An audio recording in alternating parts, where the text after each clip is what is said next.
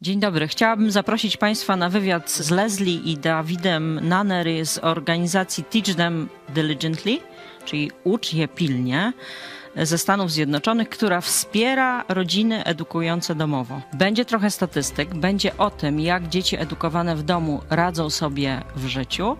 I będzie też o tym, dlaczego uniwersytety w Stanach Zjednoczonych zabiegają o to, żeby zrekrutować ludzi, którzy są po edukacji domowej. Zapraszam Państwa serdecznie, Anna Kopeć. Dzień dobry, witam Państwa e, w naszym studio. Dzisiaj mamy wspaniałych gości ze Stanów Zjednoczonych, Leslie i Dawida. Dzień dobry. Dzień dobry. E, bardzo dobrze. I jest ze mną Paweł, ponieważ e, mój angielski nie jest zbyt dobry, więc poprosiłam go o trochę pomocy, więc liczę tutaj, Pawle, na Twoją pomoc. Okej, okay, thank you. Yes. So David i Leslie są e, z organizacji Teach Them Diligently. Chciałbym zapytać Was o to, co robicie w USA i czemu służy Wasza organizacja.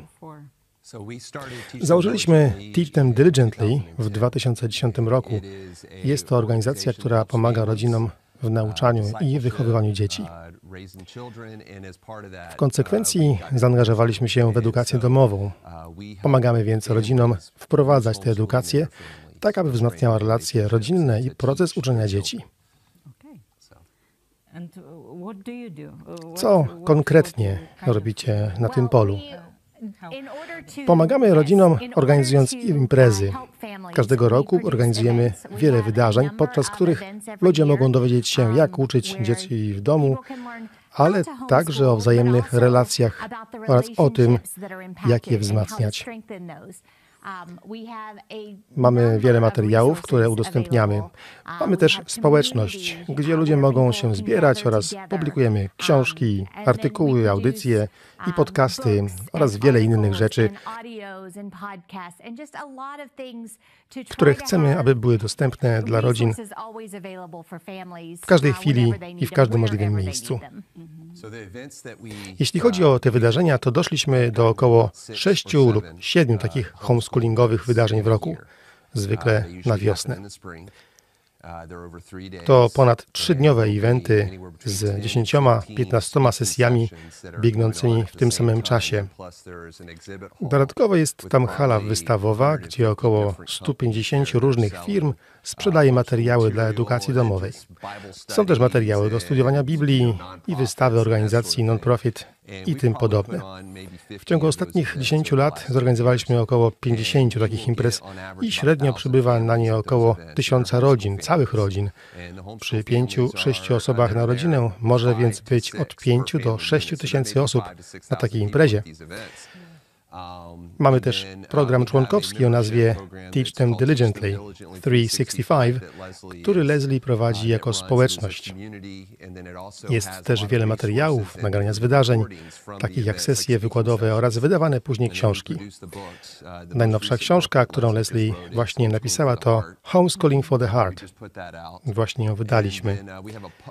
Mamy podcast o nazwie Homeschooling Families i robimy go na żywo. Uh, uh, to nowy program ukazujący się dwa razy w tygodniu. Um, uh, Zacznijmy od pytania, dlaczego Amerykanie wybierają edukację domową? Oh, Och, powodów jest pewnie tyle, ile jest rodzin. Po prostu różne rzeczy skłaniają do rodziny do wyboru homeschoolingu. Zaczęło się to przede wszystkim jako reakcja religijna na kulturę i na to, co działo się w szkołach. Po pandemii pojawiły się tysiące rodzin, które zobaczyły bardzo wysoki poziom edukacji, jaką otrzymywały ich dzieci w domu, oraz zdały sobie sprawę, że cieszą się z przebywania razem bardziej niż się tego spodziewały. I tak właśnie było. Widzieliśmy um, duży wzrost po pandemii, kiedy ludzie mieli już swoje dzieci w domu i po prostu chcieli tę sytuację zatrzymać. Um, Ale niektórzy robią to ze względu na wysoką jakość nauczania Niektórzy dla elastyczności, dzięki której mogą podróżować, inni znów z powodów religijnych. Chcą naśladować Jezusa. I jest to jedna z największych korzyści, jakie można otrzymać możliwość wpływania na swoje dzieci dla Boga, przekazując im swoją własną wiarę i swój własny światopogląd. W Stanach Zjednoczonych po pandemii jest teraz 11 milionów homeschoolerów, więc to się naprawdę dość mocno rozrosło. Niektórzy rodzice, kiedy dzieci wróciły do domu w czasie pandemii, zdali sobie sprawę, jak bardzo lubią przebywać ze swoimi dziećmi i nie mogli znieść myśli o wysłaniu ich z powrotem do szkoły.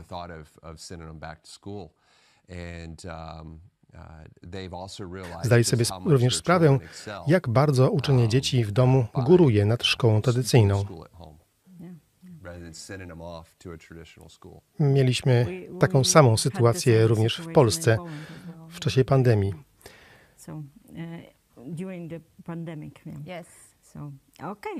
E, Powiedziałaś, że edukacja domowa bywa wybierana przez tych rodziców, którzy podróżują. W Polsce panuje powszechna opinia, że homeschooling jest tylko dla takich rodzin. To prawda, czy edukacja domowa jest dla wszystkich? Homeschooling jest wspaniałym podejściem do edukacji dla wszystkich rodzin i widzimy, że sprawdza się w rodzinach, gdzie oboje rodzice pracują. Mamy wspaniałą przyjaciółkę, która jest samotną matką, a która edukuje domowo. Trzeba być kreatywnym i często otrzymuje się pomoc i wsparcie. To wspaniała forma edukacji. Niezależnie od podejścia do życia, czy jesteś w drodze i dużo podróżujesz, czy jesteś w domu, masz tak dużo więcej czasu ze swoimi dziećmi, że każda rodzina może z tego naprawdę skorzystać. Um, masz też elastyczność, jeśli chcesz podróżować. Jest to więc miły dodatek, niezależnie od tego, czy podróżujesz regularnie, czy też nie. Jest jednak również taka opinia, że trzeba być bardzo bogatym, aby uczyć domowo. Co byś na to powiedziała? Tak, nie jest. Wczoraj o tym rozmawialiśmy. Internet jest pełen materiałów, które można zdobyć i zaadaptować. Jest wiele osób w Stanach, które edukują domowo za darmo lub prawie za darmo. Zgoda to oznacza dużo pracy dla rodziców. Trzeba wykonać wiele prac przygotowawczych i zebrać rzeczy razem. Potrzebne informacje już jednak um, są. Jest wiele, wiele opcji, od bardzo niskich kosztów, aż po kupowanie wszystkiego i wydawanie tyle pieniędzy, ile tylko masz. Um, do wyboru, do koloru. Można jednak edukować przy małej inwestycji zasobów, ale inwestując czas i energię. Um, Wiele rzeczy trzeba tu gruntownie przemyśleć. A więc najważniejsze to skupić uwagę i zainwestować czas.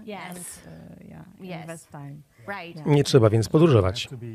Nie trzeba być także bogatym, choć to nie przeszkodzi. Ale czy trzeba mieć wyjątkowo uzdolnione dzieci, aby edukować domowo? Tak właśnie myślą ludzie. Nie, absolutnie nie. W rzeczywistości wielu rodziców, kiedy przyprowadzają swoje dzieci do domu i zajmują się ich edukacją, zdaje sobie sprawę, że dziecko radzi sobie lepiej z nauką.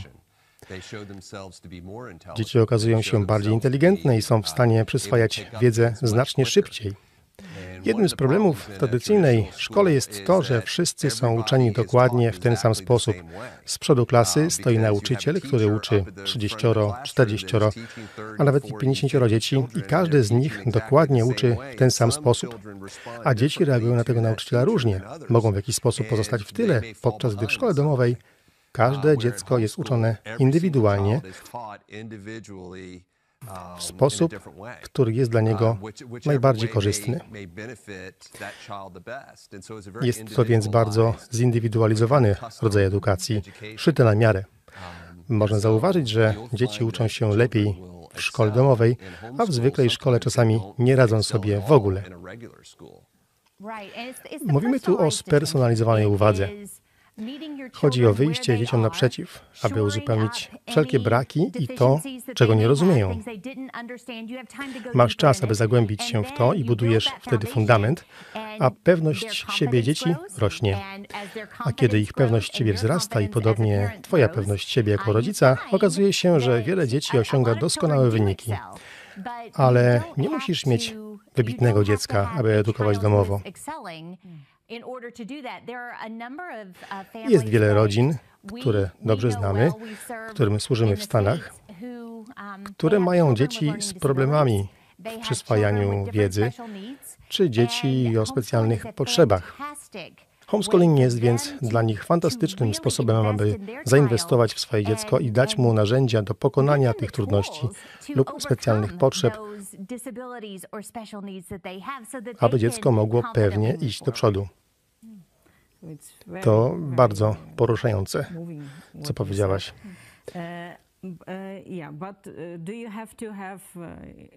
Czy trzeba jednak mieć formalne wykształcenie w edukacji uh, i jakieś specjalne umiejętności, żeby uczyć dzieci? Kiedy pierwszy raz poszłam na studia, byłam na kierunku edukacyjnym. Nienawidziłam go i po pierwszym semestrze zmieniłam kierunek, bo nie chciałam nigdy uczyć. Mamy czworo dzieci. Trójka z nich już skończyła szkołę średnią. I chociaż wydawało mi się, że nie lubię uczyć, potrafię to robić.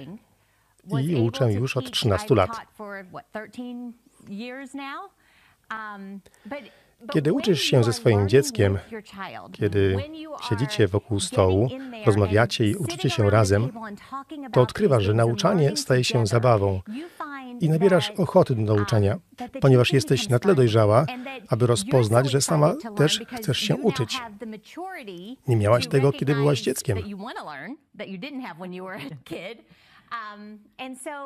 Nie ma więc żadnego specjalnego zestawu umiejętności poza chęcią uczenia się i chęcią dania swoim dzieciom tego, co najlepsze. To brzmi jak coś fajnego dla wszystkich. To jest fajne dla wszystkich. Kiedy mąż przychodził do domu, to uczyliśmy go wszystkiego, co nauczyliśmy się w ciągu dnia.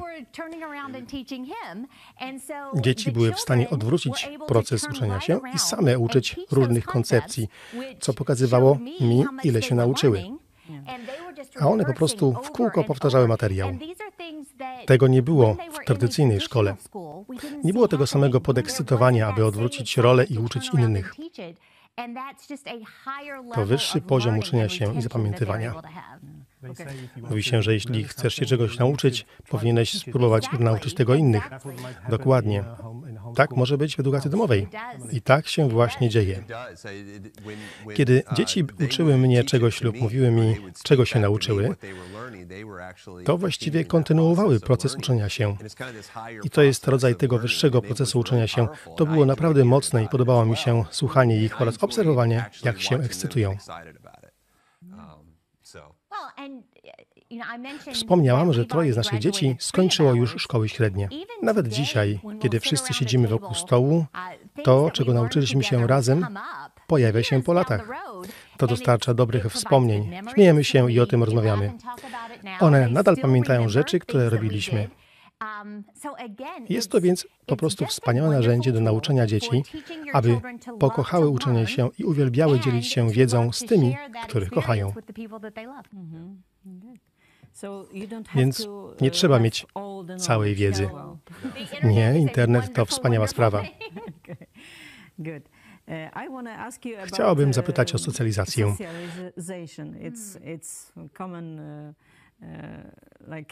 Powszechnie, również w Polsce, ludzie martwią się, że dzieci uczone w domu nie mają żadnej socjalizacji. Uh, Jak odpowiedzielibyście na tę obawę? To jest również częsty argument w Stanach, choć teraz liczby wzrosły tak bardzo, że nie jest on już tak bardzo używany. Kiedy dzieci uczą się w domu, odkrywamy, że stają się bardzo swobodne w kontaktach towarzyskich z ludźmi starszymi, młodszymi i ludźmi w ich wieku.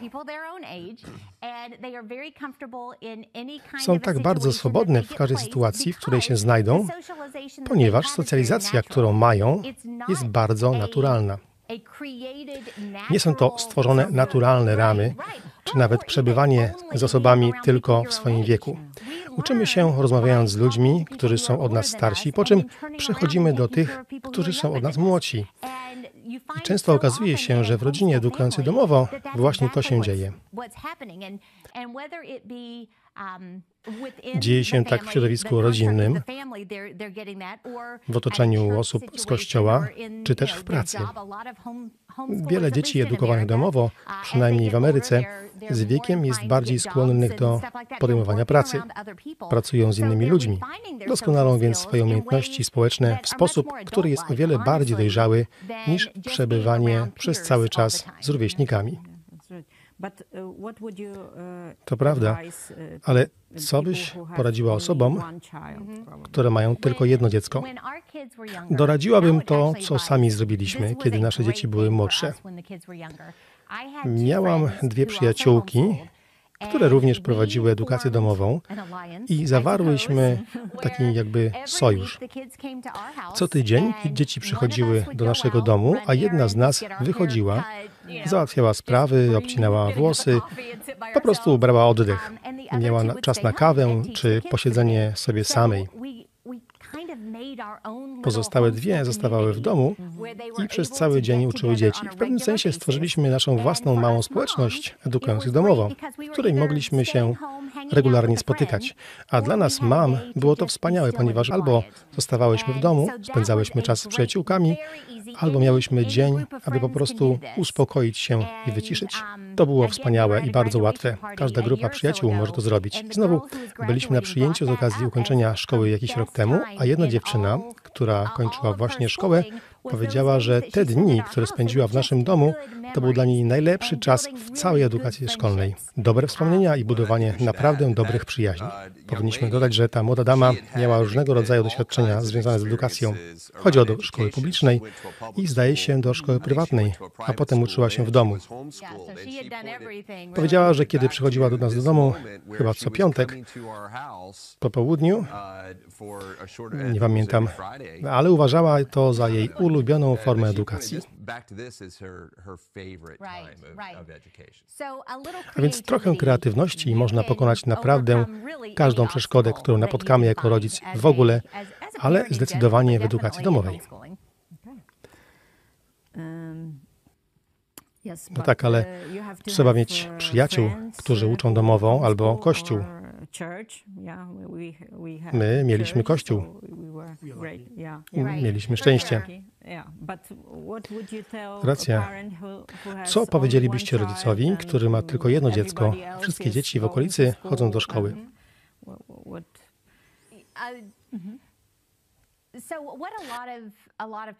Wiele osób, które są w takiej sytuacji, wykorzystuje zasoby dostępne blisko od nich. Spędzają czas w bibliotekach, wychodzą do muzeów, nawiązują kontakty. W Stanach znaleźliśmy, co pewnie i wy znajdziecie, bo edukacja domowa się u was rozwija, inne rodziny, które robią to samo. Odkryjecie, że istnieją pewne bardzo naturalne kontakty. Jako osoba ucząca w domu automatycznie czujesz się, automatycznie czujesz poczucie wspólnoty z kimś, kto dokonuje tego samego wyboru dla swojej rodziny. Łatwo więc spotkać przyjaciół. Ale nie możesz siedzieć w swoim domu przez cały czas, um, opłakując fakt, że nie masz przyjaciół. Uh, Użyj forów internetowych czy poznaj społeczności. My mamy społeczność, która łączy ludzi na całym świecie, ale są też grupy na Facebooku i różne platformy, gdzie można znaleźć innych, którzy dokonują tych samych wyborów, którzy mogą mieszkać blisko i tak nawiązać kontakty. Ale nawet w Stanach, gdzie homeschooling jest tak popularny, są obszary, gdzie ludzie nadal czują się bardzo odizolowani. I w tych sytuacjach jest naprawdę ważne, aby spróbować znaleźć kogoś online. To nie to samo, co kontakt osobisty, ale jest to jakiś krok. Często może to zachęcić mamę czy tatę, żeby wyszli i poszukali też społeczności w realu.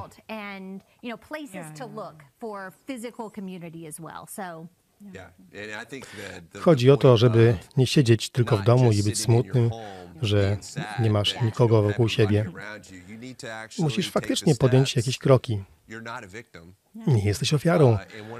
A jedną ze wspaniałych rzeczy w homeschoolingu jest elastyczność. Pamiętam, jak ogłosiliśmy naszym dzieciom, że zamierzamy uczyć się w domu. Zabraliśmy je z prywatnej szkoły. Nie byliśmy pewni, jak zareagują. A kiedy powiedzieliśmy im, że planujemy edukację domową, skakały z radości. Były bardzo podekscytowane i pierwszą rzeczą, o której pomyślały, były wycieczki. Myślały, że będą się bawić cały czas. Zamiast siedzieć i uczyć się o tym w książce, możemy faktycznie iść na jakieś pole bitwy i doświadczyć tego, o czym się uczymy. To ich najbardziej ekscytowało. Powiedzieliśmy im, że zaczniemy w przyszłym roku, a one nie, chcemy zacząć teraz. Dzieci nie chciały nawet wracać do szkoły. Musieliśmy ich zmusić, aby tam wróciły. Miały przyjaciół w tej prywatnej szkole, ale były gotowe zostawić to wszystko, aby być w domu w ramach edukacji domowej. To byłaby moja zachęta, że w niektórych przypadkach może trzeba być bardziej kreatywnym, ale zawsze są ludzie wokół ciebie, że można mieć z nimi coś wspólnego. Trzeba spróbować wyjść ze swojej skorupy, spotkać ludzi, trzeba do nich dotrzeć, a bardzo łatwo jest się odizolować. Również chodząc do normalnej szkoły. Ludzie robią to każdego dnia ale trzeba wyjść ze swojej skorupy. Czy samo określenie edukacja domowa nie jest trochę mylące? Nie odbywa się ona przecież tylko w domu. To prawda. Przychodzi taki moment, kiedy okazuje się, że trzeba walczyć o to, żeby zostać w domu, bo jest tyle możliwości, tyle fajnych rzeczy do odkrycia i jest się tak podekscytowanym, że można się tego uczyć razem. Znowu w Ameryce, ponieważ homeschooling jest tak bardzo popularny, jest tyle możliwości. Są zespoły i kluby sportowe, spółdzielnie i możesz dosłownie zapisać na coś swoje dziecko każdego dnia. I tak samo jak w tradycyjnej szkole, musisz się pilnować mieć na uwadze swoją główną misję. Nie można dobrze edukować, jeśli się jest przeciążonym i w ciągłej podróży. Nie można dobrze poznać swoich dzieci, jeśli ciągle daje się im jakieś zajęcia. Może się więc okazać, że w miarę rozwoju homeschoolingu w Polsce problemem będzie odwrotność tego, czego doświadczaliście wcześniej, tak jak to ma miejsce w Ameryce. Ale w tym momencie pamiętaj po prostu o tym, co robisz i podejmuj decyzje w oparciu o to, co jest najlepsze dla Twojej misji, a nie tylko zgadzaj się na wszystko, nie bądź w ciągłym ruchu. Dobrze powiedziane. Czy mogę zapytać o dane statystyczne?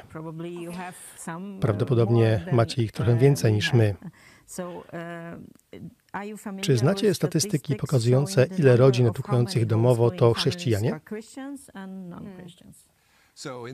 W Stanach Zjednoczonych jest to 66% dla chrześcijan. Kiedy wystartowaliśmy z Teach Them Diligently, liczba ta wynosiła 75%. Od tej pory mamy tak duży wzrost w homeschoolingu, że podwoiliśmy liczbę tak edukujących w ciągu dwóch lat. Um, Wielu niechrześcijan zaczęło edukować domowo i liczba ta wynosi teraz 66%. Trudno jest uzyskać statystyki dotyczące takich uczniów w Ameryce, ponieważ wielu z nich po prostu nie chce być widocznymi. Są bardzo szczęśliwi z tego, że latają pod radarem. Trudno więc uzyskać dobre liczby czy dobre statystyki. Jak właściwie zdefiniować nauczyciela domowego? Wiem, że ludzie zazwyczaj o to nie myślą, ale czy jest to mama siedząca przy stole kuchennym i odrabiająca zadania? Czy to jedyna definicja homeschoolera? A może edukujesz domowo, jeśli używasz lekcji wideo? Czy to jest edukacja domowa, czy też nie? Mamy w Stanach coś, co nazywamy na naszych uniwersytetach podwójnym zaliczeniem. Możesz wysłać swoje dzieci do liceum i uzyskać zaliczenie w liceum i w koledżu za te same zajęcia. Czy to jest edukacja domowa?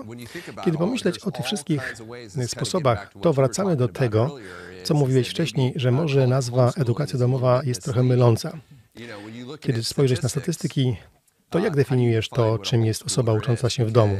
Przecież siłą homeschoolingu jest elastyczność i to, że jesteś z rodzicami, a jako rodzic angażujesz się w cały proces. Nie wysyłasz dzieci gdzieś po prostu. A statystyki muszą mieć bardzo ścisłą definicję. Ludzie muszą wpasować się w kolumny.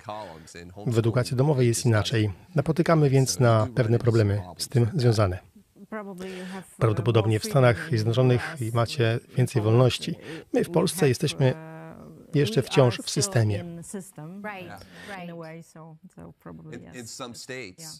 W niektórych stanach mają dokładną liczbę edukowanych domowo. Mają podobny system. W innych stanach decydujesz sam, w jakie dni będziesz uczył domowo, bez żadnych sprawozdań.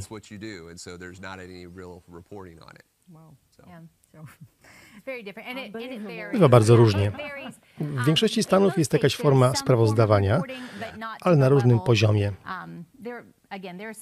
Są stany, które przypominają bardziej Wasze doświadczenia.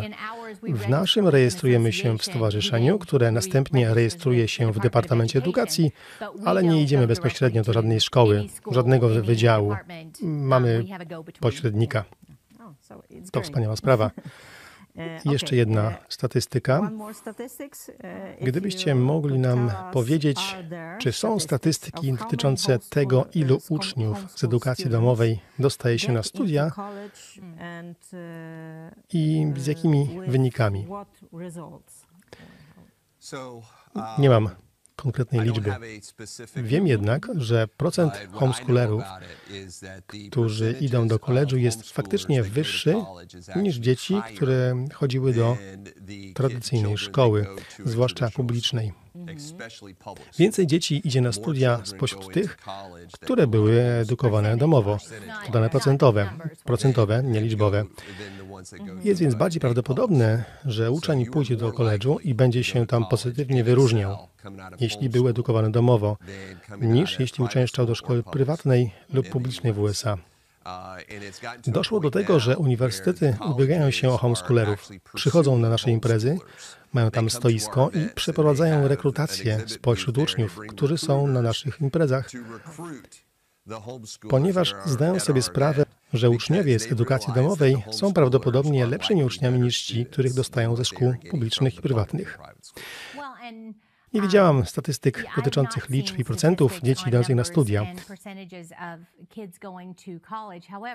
Istnieje jednak wiele danych, które pokazują, że uczniowie z edukacji domowej średnio osiągają bardzo, bardzo wysokie wyniki na egzaminach wstępnych. Mamy SATs, rodzaj egzaminów na koniec szkoły średniej i zdobywają tam oni bardzo, bardzo wysokie noty. Dane te pojawiły się wraz z przyznaniem, że uczniowie ci są wykształceni bardzo gruntownie. Wracając do pytania o socjalizację, czują się bardzo swobodnie w wielu różnych sytuacjach. Są dobrymi pracownikami, ponieważ mają dobrą etykę pracy, potrafią myśleć samodzielnie. Wszystkie te rzeczy zaczynają pojawiać się bardzo wyraźnie, co prowadzi uczelnię do znacznie bardziej celowej rekrutacji uczniów edukowanych domowo. Z drugiej jednak strony, ponieważ uczniowie szkół domowych są z rodzicami i ich rodzice znają ich tak dobrze, mają również korzyści wypływające z posiadania rodziców doradzających i zachęcających do różnych kierunków, aby rozwijali się zgodnie z ich mocnymi stronami i naturalnymi zainteresowaniami. Uczniowie tacy są więc w stanie pójść za czymś wcześniej i trafić na właściwą ścieżkę, zamiast stosowania metody prób i błędów, kiedy nie mają tego rodzaju prowadzenia przez kogoś o głębokiej wiedzy.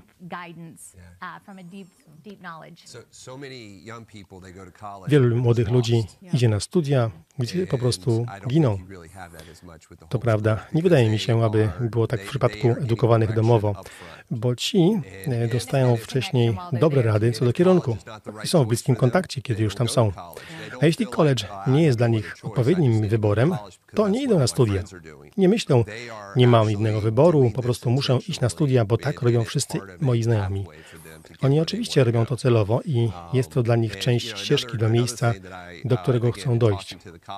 Kolejną rzeczą, którą usłyszałem od przedstawicieli koledżów, jest to, że edukowanie domowo częściej kończą studia. Wskaźnik ukończenia studiów dla szkoły publicznej to 50 parę procent, podczas gdy dla uczniów edukowanych domowo jest to 70 parę procent. Wiele więcej homeschoolerów niż uczniów szkół publicznych kończy szkołę średnią.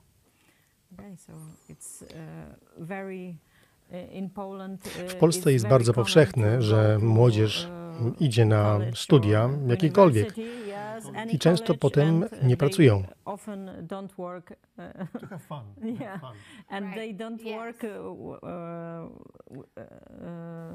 Jeśli jest zabawa, to są to dobre studia. Chodzi mi o to, że oni uczą się jakiegoś zawodu, ale nigdy w nim nie pracują. To jest bardzo powszechne. No, no właśnie. Więc nauczyciele są jakby oddzieleni od prawdziwego świata. Zastanawiałem się, czy można podsumować ogólny stosunek rządu federalnego do homeschoolingu w Stanach. Muszę powiedzieć, że w Polsce bywa różnie. Są urzędnicy, którzy zawzięcie sprzeciwiają się temu rodzajowi edukacji, inni zaś wypowiadają się przychylnie. A jak jest z federalnym rządem amerykańskim?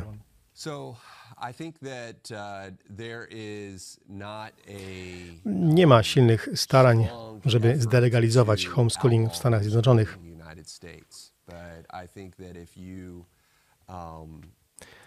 Ale gdyby przeprowadzić ankietę wśród polityków, to woleliby, żeby nie edukować dzieci domowo. Są czynione pewne wysiłki, na przykład, aby kontrolować program nauczania, którego używa się w edukacji domowej. W ten sposób uczyłoby się swoje dzieci tego, czego chcą oni, aby ich uczono. Nie chodzi mi tu o matematykę, ale o wersję historii, którą chcą, żeby nasze dzieci znały. Istnieje tu pewien nacisk, pod niektórymi administracjami gorszy niż pod innymi. Trump był bardzo przychylny homeschoolingowi i było wiele szkół czarterowych, które są rodzajem szkół publicznych, ale poza systemem. Rozwinęły się one za Trumpa. Obecna administracja nie jest tak przychylnie nastawiona do homeschoolingu, ale nie ma tak silnego wsparcia, którego być może wy doświadczacie, żeby po prostu zlikwidować homeschooling w Ameryce. Próbują go kontrolować, ale nie zdelegalizować. Myślę, że doszli do punktu, w którym czują, że nie mogą tego zrobić. Za duży ruch się zrobił. To jest bitwa, której nie mogą wygrać. Przeszli więc do prób kontrolowania tego, co jest nauczane. Robią to za pomocą finansów. Oferują, że zapłacą za wszystkie wasze materiały, dadzą komputer, a rodziny połykają haczyk. A z haczykiem przyjmują strasznie dużo kontroli.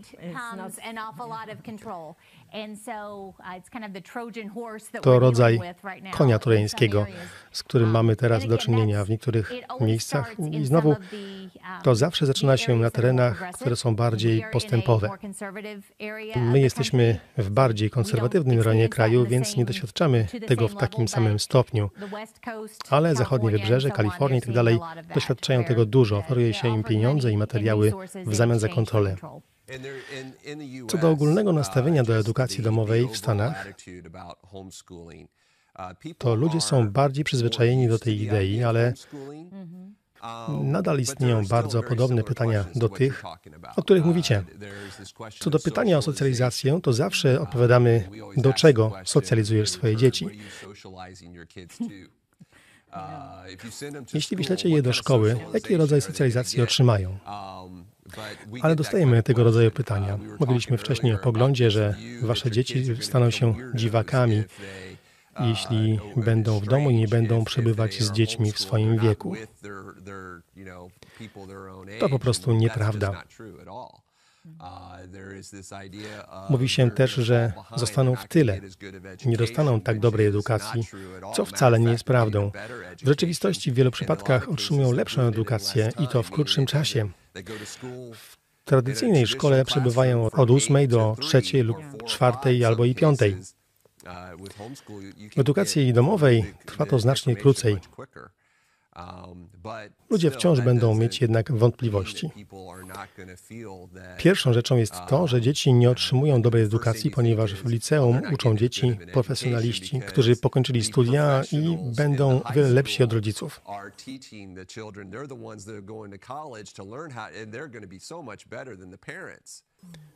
A to wcale nie musi być prawda. Odkryliśmy, że dzieci radzą sobie o wiele lepiej, gdy uczą ich rodzice. Wiele z tych rzeczy, które zarzuca się edukacji domowej w USA, nie jest prawdą.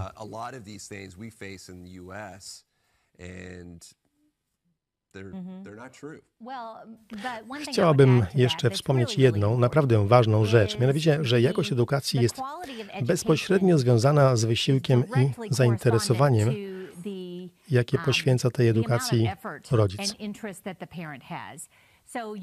Nie można wziąć dzieci do domu i niepoważnie traktować czas nauki, oczekując, że dzieci będą się dobrze uczyć.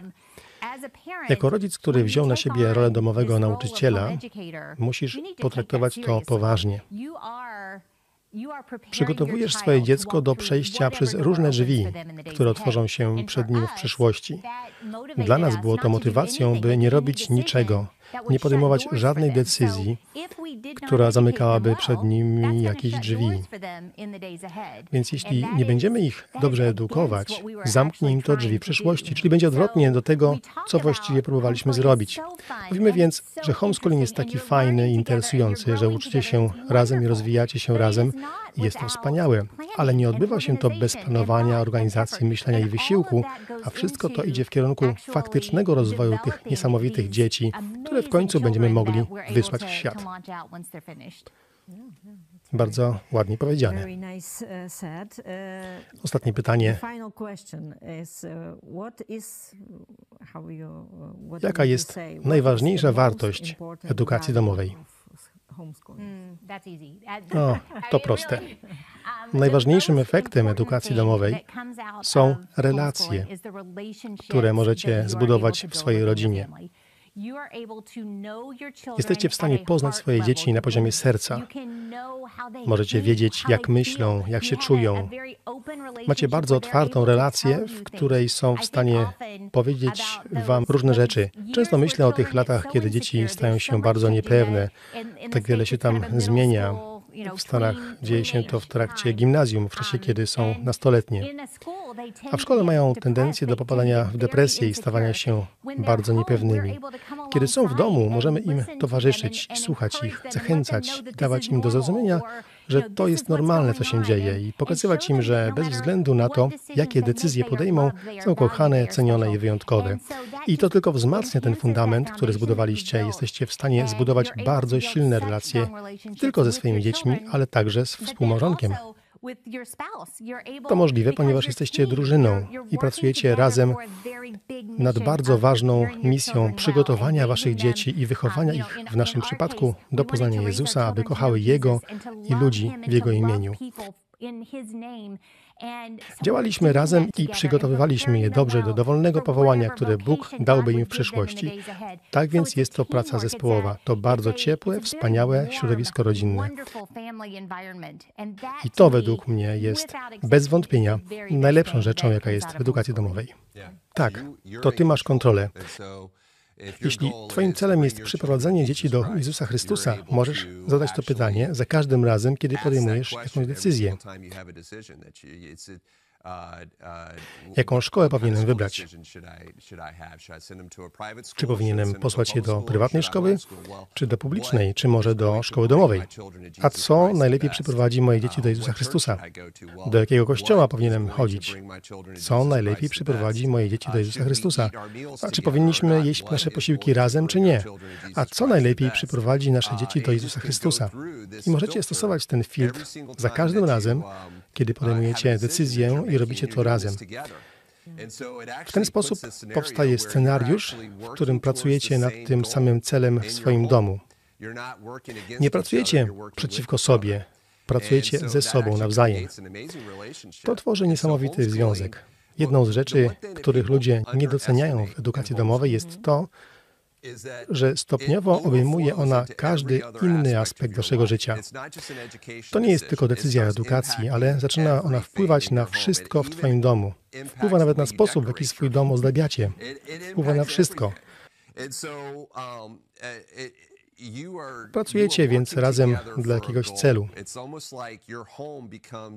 To prawie tak, jakby Twój dom stał się miejscem, gdzie tworzysz naśladowców Chrystusa. Masz w edukacji domowej takie możliwości, których nigdy miał nie będziesz, jeśli poślesz swoje dzieci do szkoły. Bardzo dziękuję za bycie tutaj z nami i dziękuję za podzielenie się Waszymi przemyśleniami. Było to bardzo, bardzo dla mnie wzruszające i pewnie będzie pomocne dla wielu rodziców. Chwała Bogu. Dziękuję, że nas gościliście. To była prawdziwa radość.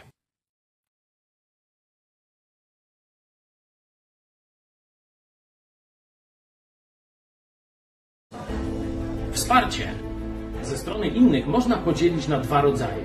Pierwsze to poklepanie po plecach. Ono jest oczywiście przyjemne, ale nic nie kosztuje. Wyższy, pełniejszy rodzaj wsparcia to jest podoba mi się to, co robisz. Chcę Ci w tym pomóc. No i teraz każdy decyduje, jak chce pomóc.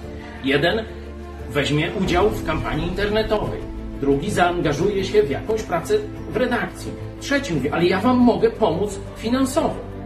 Dlatego właśnie jest ta akcja Tysiąc gitar nam gra.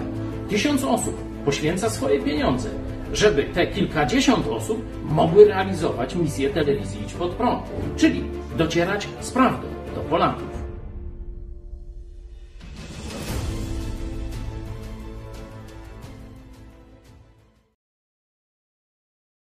Jak wyleczyć się z religii? Może jesteście zdziwieni, że pastor e, chrześcijański no, będzie wam takiej lekcji udzielał. Ale dajcie mi kilka minut, dwie, żebym wam wytłumaczył o co chodzi.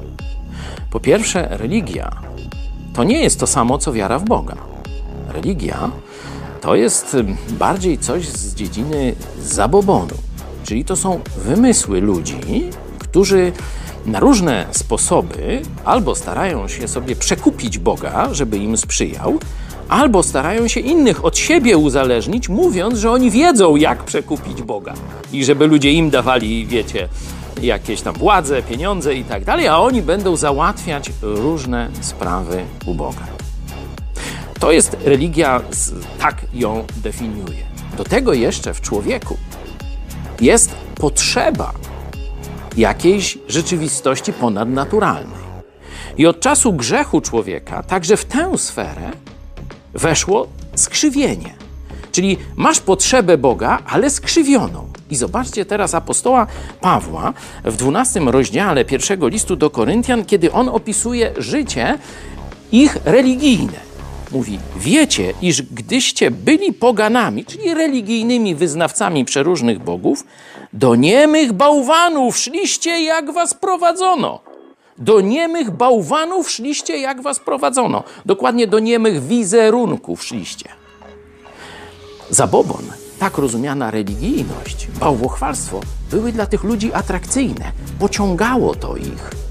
I następny werset pokazuje, tylko w mocy ducha Jezusa Chrystusa możesz się z tego wyzwolić. Sam nie wyzwolisz się z zabobonu. Będziesz miał albo naukowy, albo religijny, albo katolicki, albo jeszcze jakiś inny zabobon. Dopiero kiedy zwrócisz się osobiście do Jezusa Chrystusa, to przynajmniej Biblia obiecuje, wtedy wyzwolisz się z religii.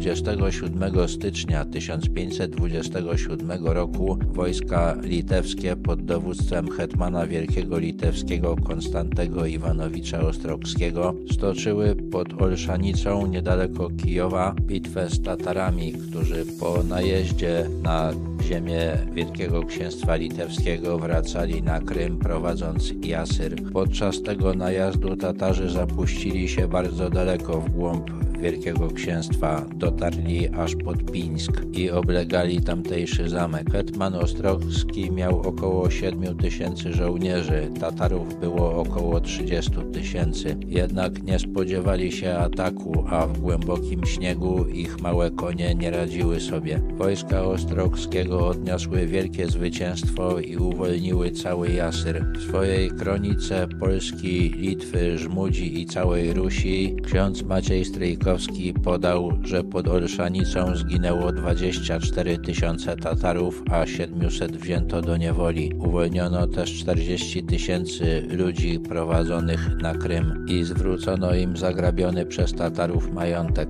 Nawet jeśli liczby poddane przez Stryjkowskiego są przesadzone, to zwycięstwo na pewno było wielkie. Nigdy już później Tatarzy podczas swoich najazdów nie zaryzykowali zapuszczenia się tak głęboko w ziemię Rzeczpospolitej Rzeczpospolitej. Po klęsce pod Olszanicą zaproponowali też królowi Zygmuntowi Staremu zawarcie sojuszu przeciwko Moskwie, do czego ostatecznie jednak nie doszło. Król uczcił hetmana Ostrogskiego triumfalnym wjazdem do Krakowa. Hetman miał już 67 lat, zmarł w 3 lata później. Choć był prawosławnym Rusinem, zawsze wiernie służył królowi polskiemu. Miał zwyciężyć w 64 czterech bitwach, a tylko sześć przegrać. Jako hetman Wielki Litewski stoczył 33 bitwy, z czego przegrał tylko dwie.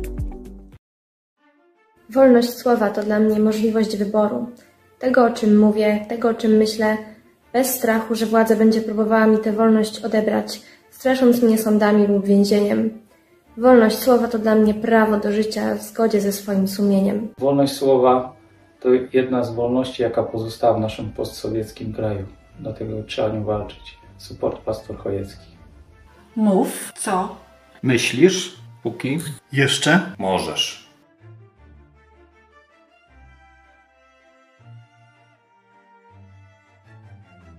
Zapraszamy Was na koncert wolności, który odbędzie się 29 stycznia o godzinie 18. E, zagramy dla Państwa razem z Jurkiem i Gosią Dajukami oraz z Abrahamem Diomandę. Koncert odbędzie się w siedzibie głównej telewizji Idź Pod Prąd. Zapraszamy!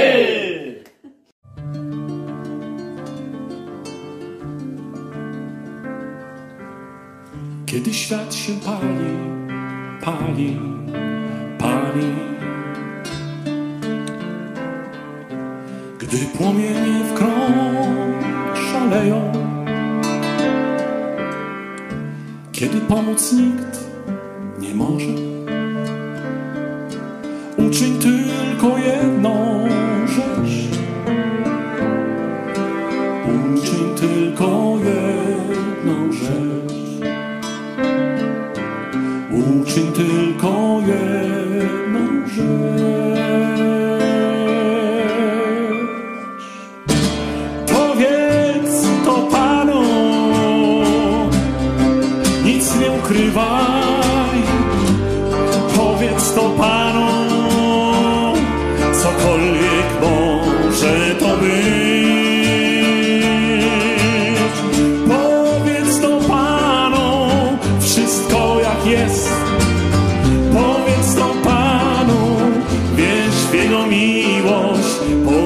Panu, większej miłości już nie znajdziesz. Większej miłości już nie znajdziesz.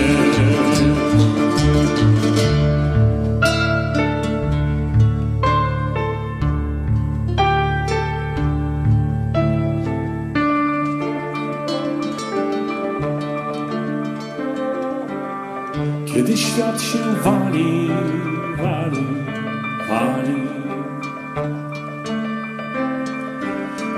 Twe życie się rozpada, gdy zmęczony walką jesteś. Uczyń tylko jedną rzecz. Uczyń tylko jedną rzecz.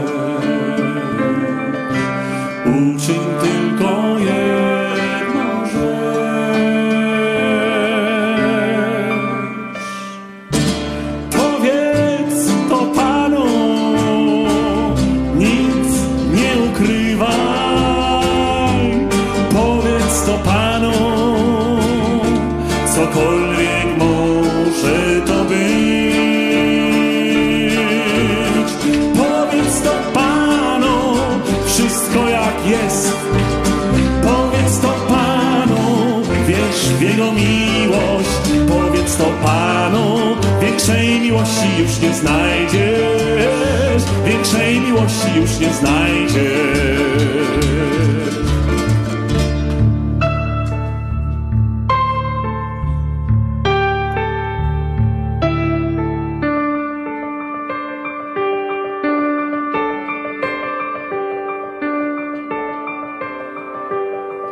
Gdy w rozpaczy to